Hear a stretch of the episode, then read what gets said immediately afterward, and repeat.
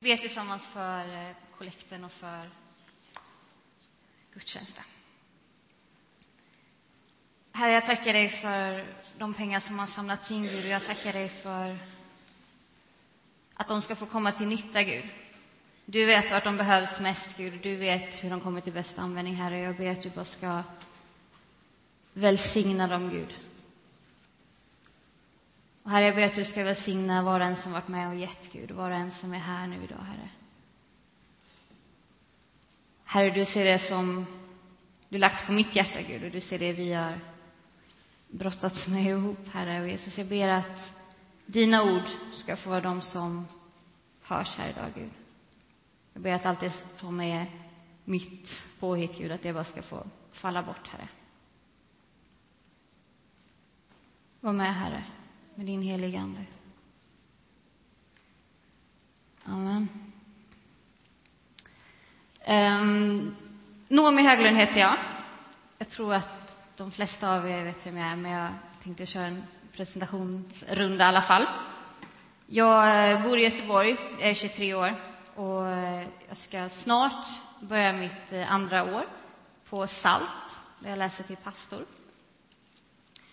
Ehm, när Joakim frågade mig om jag ville predika och sa att det handlade om efterföljelse så blev jag jättetaggad på en gång. För att det här med efterföljelse var någonting som jag hade eh, brottats med mycket under våren om vad är efterföljelse och det varit mycket diskussioner och funderingar och sånt där.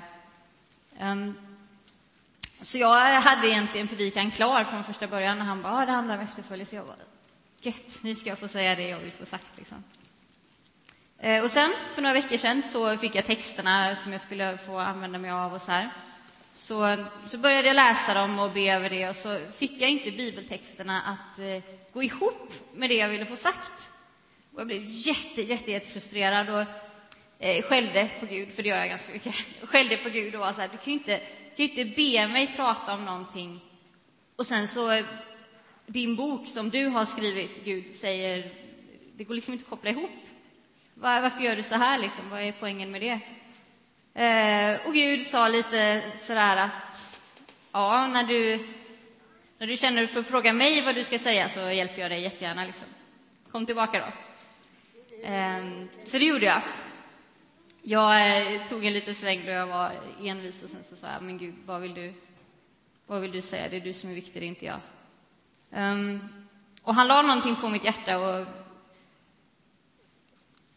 det må hända lite mer obekvämt än det jag hade tänkt prata om först.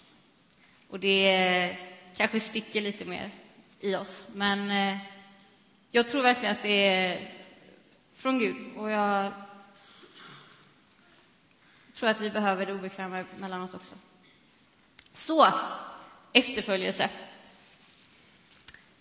Jag tror att efterföljelse börjar där och då vi ger våra hjärtan till Gud. Där och då vi blir frälsta, där vi blir födda på nytt.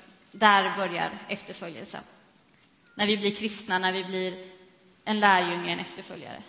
Vi kommer alla ha var, varit, vi kommer alla vara på olika platser när det händer i våra liv. Vi kommer ha haft olika upplevelser av, av livet, av Gud och av, av kyrka och kristna när vi, när vi vänder oss om. Men där börjar det liksom. Ehm, och vi vi blir alldeles uppfyllda av, av kärlek och av, av tacksamhet och, eh, och ja, lovsjunger, lovprisar. Så här, dit du går, dit vill jag också, Gud. Och sänd mig, Gud. Använd mig, Gud. Skicka ut mig, Gud. Ja, här är jag, sänd mig. Och det vi ofta väljer att inte tänka på och väljer att inte prata om är eh, är att förr eller senare så kommer det börja kosta på i våra liv.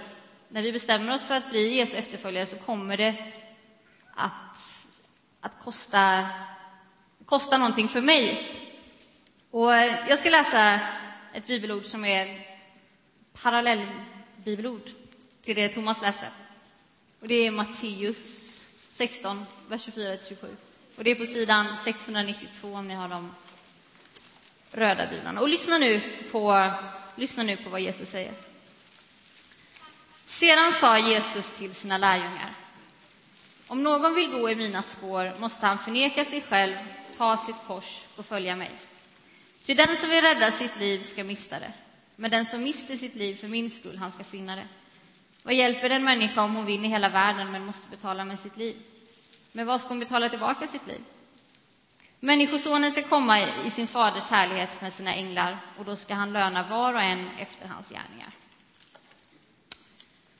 Om någon vill gå i mina spår måste han förneka sig själv, ta sitt kors och följa mig. Och jag har en liten känsla och en liten föraning om att det är liksom inte, det är inte såna här kors Jesus menar.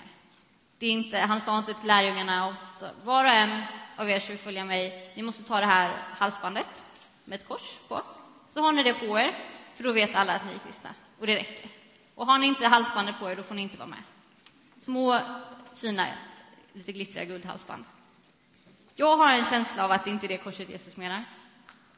Jag kan ha fel, men jag tror inte det. Jag tror att Jesus menar ett kors som är lite mer likt det han själv fick bära. Lite mer det här stora, brutala träkorset som han spikades upp på. Liksom. Det här tunga åbäket han fick släpa på. Det tror jag. Um. Och grejen är den att när vi ger våra liv till Gud, när vi överlåter oss till Gud, när vi blir efterföljare, så ändras på ett sätt vårt förhållande till Gud lite. Vi, vi får ett ökat ansvar som kristna och Gud älskar oss fortfarande lika mycket som han alltid gjort. Hans kärlek är oföränderlig. Liksom. Men vårt ansvar ökar, för nu har jag hittat det här. Liksom. Jag har hittat Gud, jag har hittat meningen, jag har hittat hem. Och då ökar mitt ansvar gentemot de människor som inte har hittat det här.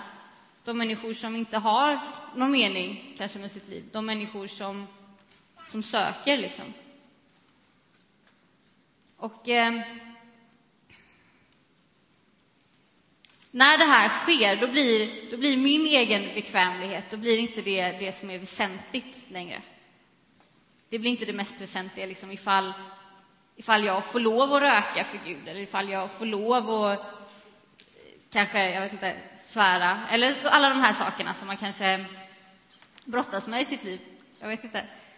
Ehm, det blir inte det mest väsentliga. Utan det mest väsentliga i mitt liv som en efterföljare måste vara syns Gud i mitt liv. Lyser Gud igenom i mitt liv? Kan andra människor, de här människorna som inte hittat Gud, kan de se Gud i mitt liv?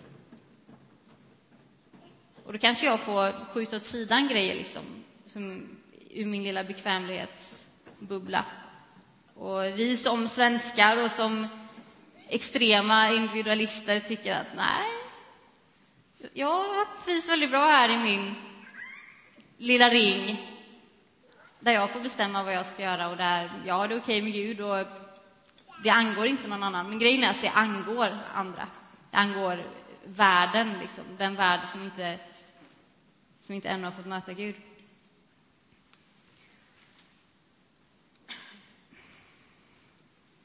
Och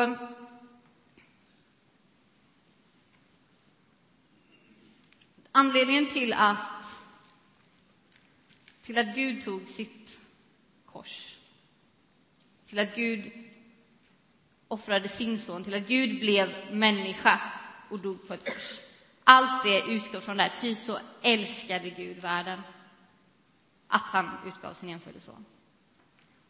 Ty så älskade Gud världen att han gav sitt liv för att vi, för att jag, för att ni skulle få försoning med honom.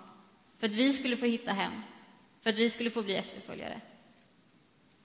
Och ty så älskade Gud världen att, att han ber oss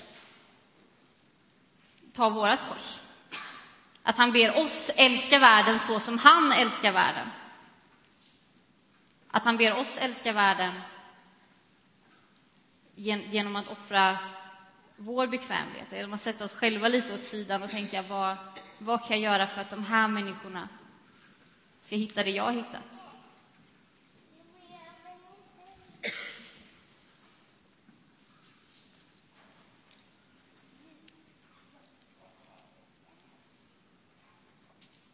jag tror att eh,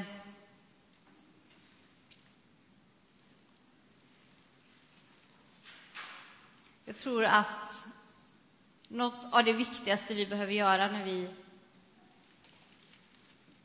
blir efterföljare, eller nu när vi är Jesu efterföljare och lärjungar, är att vi behöver vi behöver fråga oss själva om vi är villiga att betala det priset, om vi är villiga att ta vårt kors. Om vi är villiga att, att sätta vår egen bekvämlighet åt sidan och se vad kan jag göra för andra människor? Gud, vad vill du att jag ska offra i mitt liv eller ställa åt sidan i mitt liv? Eller vem vill du att jag ska prata med liksom? Vad vill du att jag ska göra? Vad är, vad är mitt kors att bära? Vad är... Dit du går vill också jag gå. Och, och vi behöver komma ihåg att, att det är inget som Gud lägger på oss. Liksom, bär det här korset, ta det här nu, för jag bar ett kors, och då ska du också bära ett kors. Det är inte mer än rätt. Liksom. Gud är inte sån. Jag hade varit sån om jag var Gud. Jag hade varit så här, såg ni vad jag gjorde? Jag dog liksom. Vad gör ni? Men Gud är inte sån. Utan det, det Gud vill ha av oss i våra hjärtan och vår kärlek. Han vill att, att, att våra hjärtan ska, ska göra ont för det som får hans hjärtan göra ont. Han vill att vi ska gråta över det han gråter över. Han vill att våra hjärtan ska, ska älska den här världen och människorna som finns i den här världen på samma sätt som han gör. Och med det så kommer ett pris. Tänk, tänk er, föreställ er att, att vi som kristna, att jag som kristen, att kristna över, över världen, för vi är ganska många kristna över världen, faktiskt. Föreställ er att vi bara offra lite av vår bekvämlighet, ställa den lite åt sidan för andra människors skull och för Guds rikes skull. Föreställ er hur det skulle, vad som skulle kunna hända med, med våra länder, med våra städer, med våra kyrkor. Föreställ er att vi ännu mer skulle få Guds hjärtan för den här världen och vara liksom villiga att betala det priset som krävs.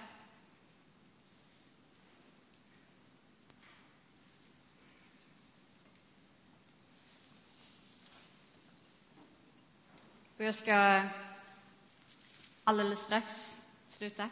Men jag vill bara återigen poängtera att det, det är för kärlekens skull. Precis som den här Ted Gärdestad-sången. Tänk på den så kommer ni ihåg det här. För kärlekens skull som vi ska göra det här. Det är, det är för kärlekens skull som Gud dog för oss, liksom, som Jesus dog för oss. Och det är för kärlekens skull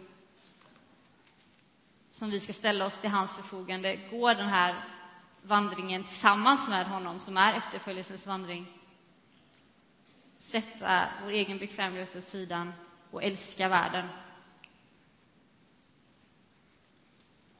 Och ehm, jag vill bara be en bön tillsammans med er, så kan låtsasarna komma upp.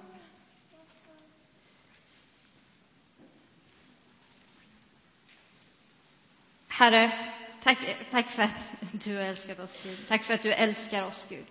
Och tack för att jag, tack för att vi får vara dina efterföljare, får vara dina lärjungar, Gud, dina barn, Herre. Men Jesus, jag ber att att du ska ge oss ditt hjärta för den här världen. Lite grann kosta vad det kostar vill, Gud, att, att du ska ge oss en förkrosselse, Gud, en, att våra hjärtan ska, ska gå sönder, det ska göra ont, Gud, över dem som inte har hittat till dig, Gud, de som går förlorade, Gud. Och Jesus, jag ber att, det, att, det, att den kärleken ska få bli vår drivkraft, Gud. Den grund vi, vi utifrån vi gör allting, Gud. Och Herre, jag tackar också för att du inte du tvingar inte på någon av oss, Gud. Utan det är, det är vårt beslut. Det är vårt val ifall vi vill välja att vara efterföljare eller inte.